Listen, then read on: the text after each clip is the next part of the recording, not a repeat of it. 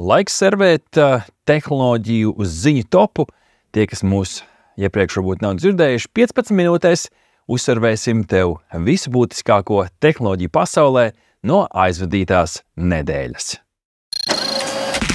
Ziņa numur viens.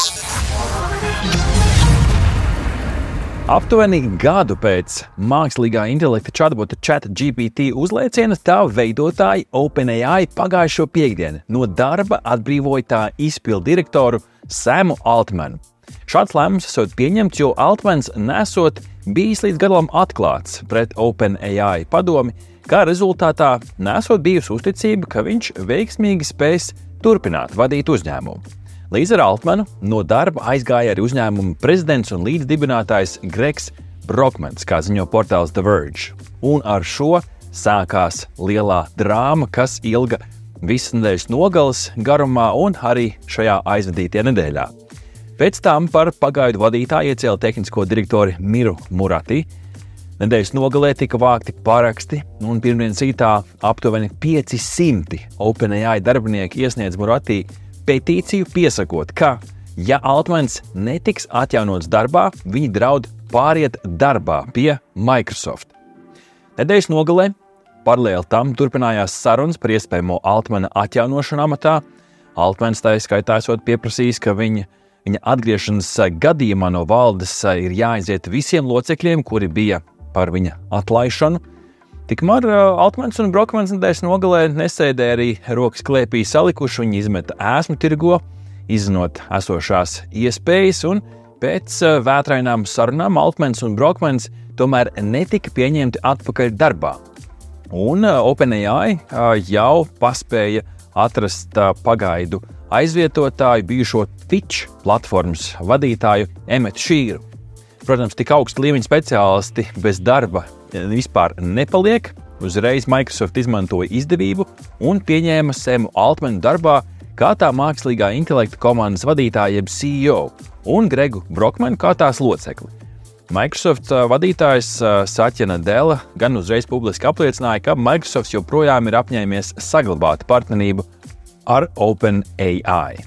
Beig beigās gan šī raksta tapšanas brīdī Eh, portāls The Verge jau publicēja ziņu, ka tomēr Sams Altmans atgriezīsies OpenAI kā tā vadītājs par spīti nu, dumpim, kas pret viņu tika vērsts.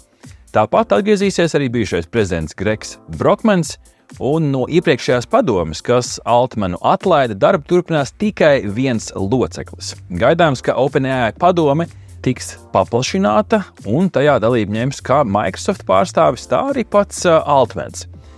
Nu, neskatoties uz drāmu vadības līmenī, mums parastiem lietotājiem laba ziņa, jo OpenAI ierindnieki turpina savu darbu un ir klajā laiduši vērā ņemamu funkcionalitāti bezmaksas lietotājiem.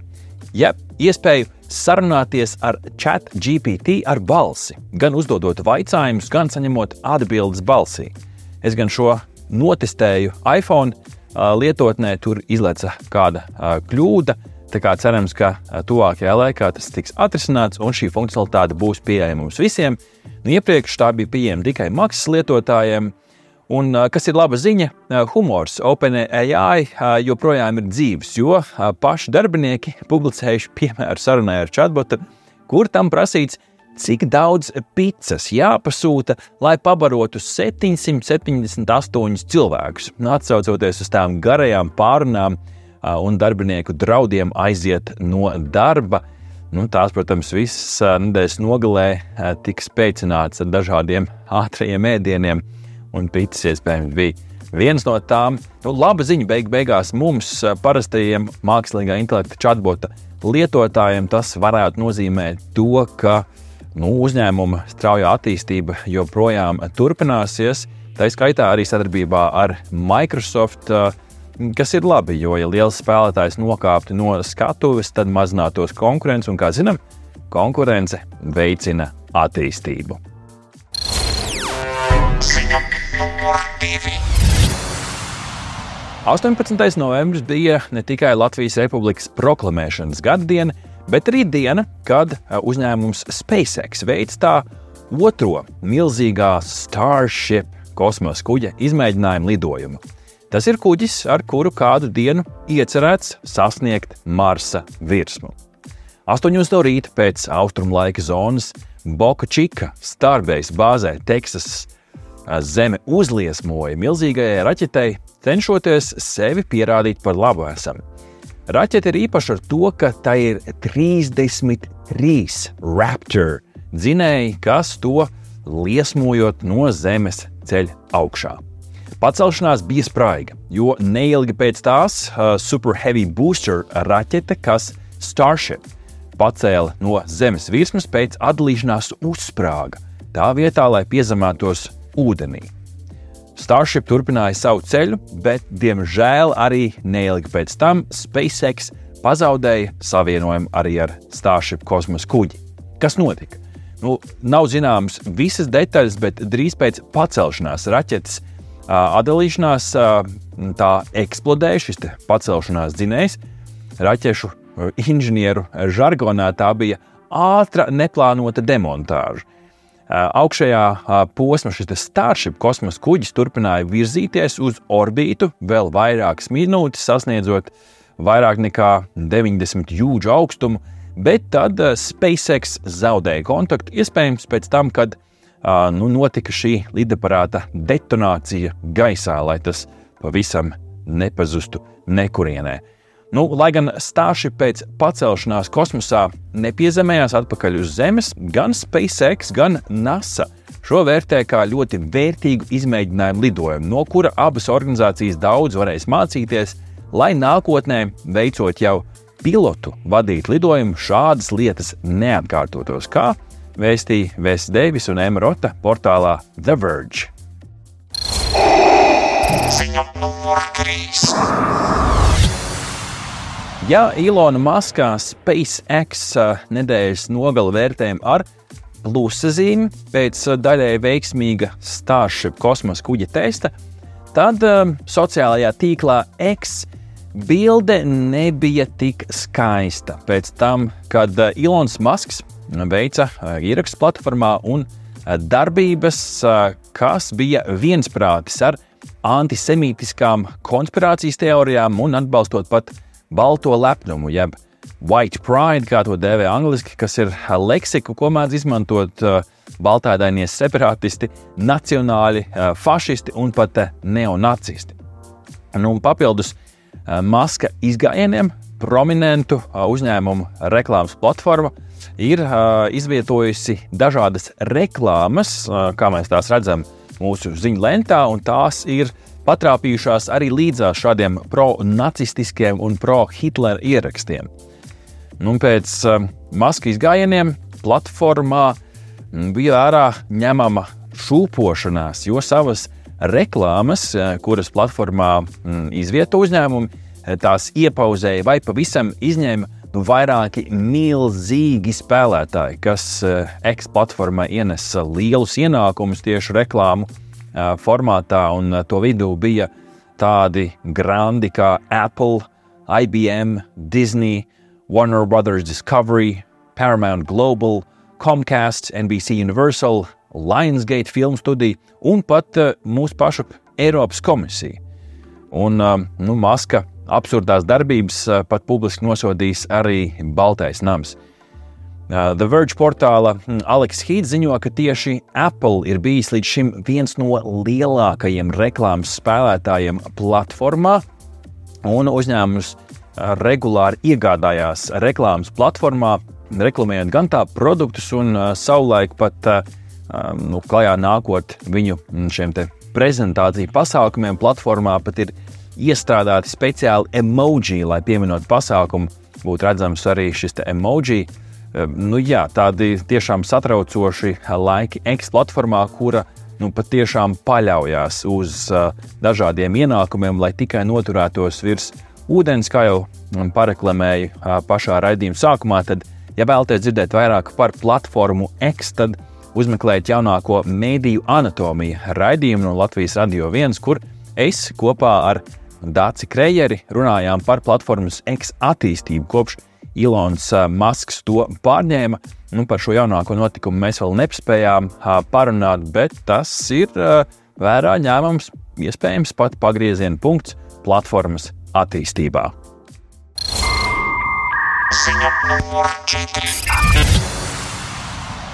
Pasaules preses fotokonkurss, jeb The World Press Photo Contest, ir viens no senākajiem fotografiju konkursiem, kas kopš 1955. gada izceļ tieši mediju veikumu fotolauciņā. To organizē Pasaules preses fotofonds. Tā ir organizācija, kas šo foto veikumu no preses jau izceļ ļoti sen, sākums meklējums Nīderlandē un organizācija, reaģējot uz mākslīgā intelekta attīstību, ir atjaunojusi tā konkursa nosacījumus, izslēdzot iespēju iesniegt mākslīgā intelekta attēlus. Sākotnēji fonds gan izziņoja, ka pieļaus mākslīgā intelekta attēlu iesniegšanu tā atvērtā formāta kategorijā, taču vēsts sagaidīja fotožurnālistu šalkoņu, uzsverot, ka šāds solis būs nu, pāri darījums profesionāļu darbam. Kā skaidroja fonds, no konkursa atvērtā formāta kategorijas tiks izslēgta iespēja iesniegt kā ģeneratīvi papildinātus, tā pilnībā mākslīgā intelekta radītus attēlus. Un viņi arī skaidro, ka tos jau nevarēja iesniegt citās kategorijās, kā vienreizējās stāsti un ilgtermiņa projekti. Ir atjaunināti arī noteikumi par um, manipulācijām ar fotografijām, kas ir izgatavots ar objektīvu fotokamerām, lai nodrošinātu lielāku skaidrību par to, kas tad eh, ir mākslīgā intelekta ģenerēts attēls.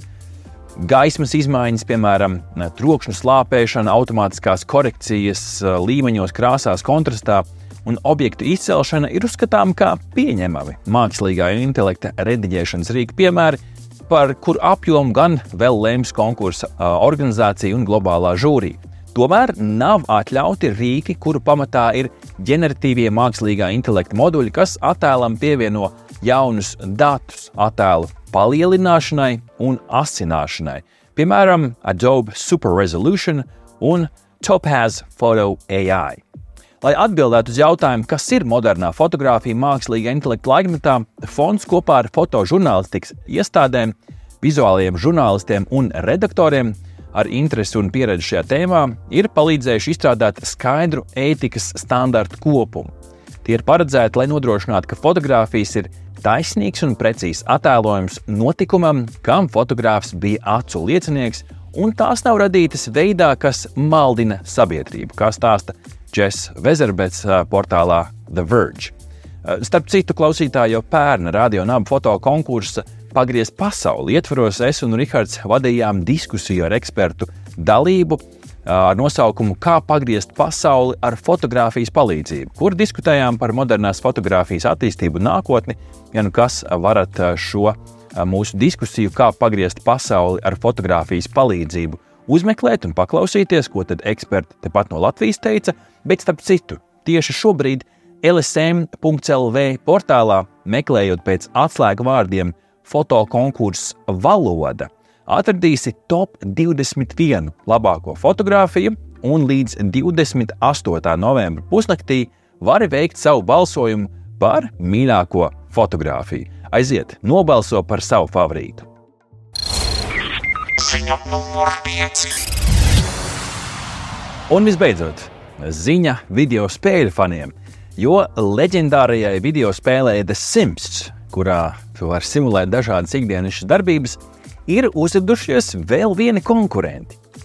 Populārās video spēles PUBG veidotāji prezentējuši tās jaunāko projektu Inzoi, kas solās būt jauna dzīves simulācijas spēle ar pavisam jaunu un svaigu vizuālo stilistiku, kas izmanto nu, jau uh, popularitāti iegūšais Unreal Engine 5 šī spēles dzinēja sniegtās priekšrocības. Izstrādātāji Krafton prezentēja spēli, kas pēc izpildījuma ļoti gan līdzinās The Sims, liekot cilvēciņiem darīt ikdienišķas darbības.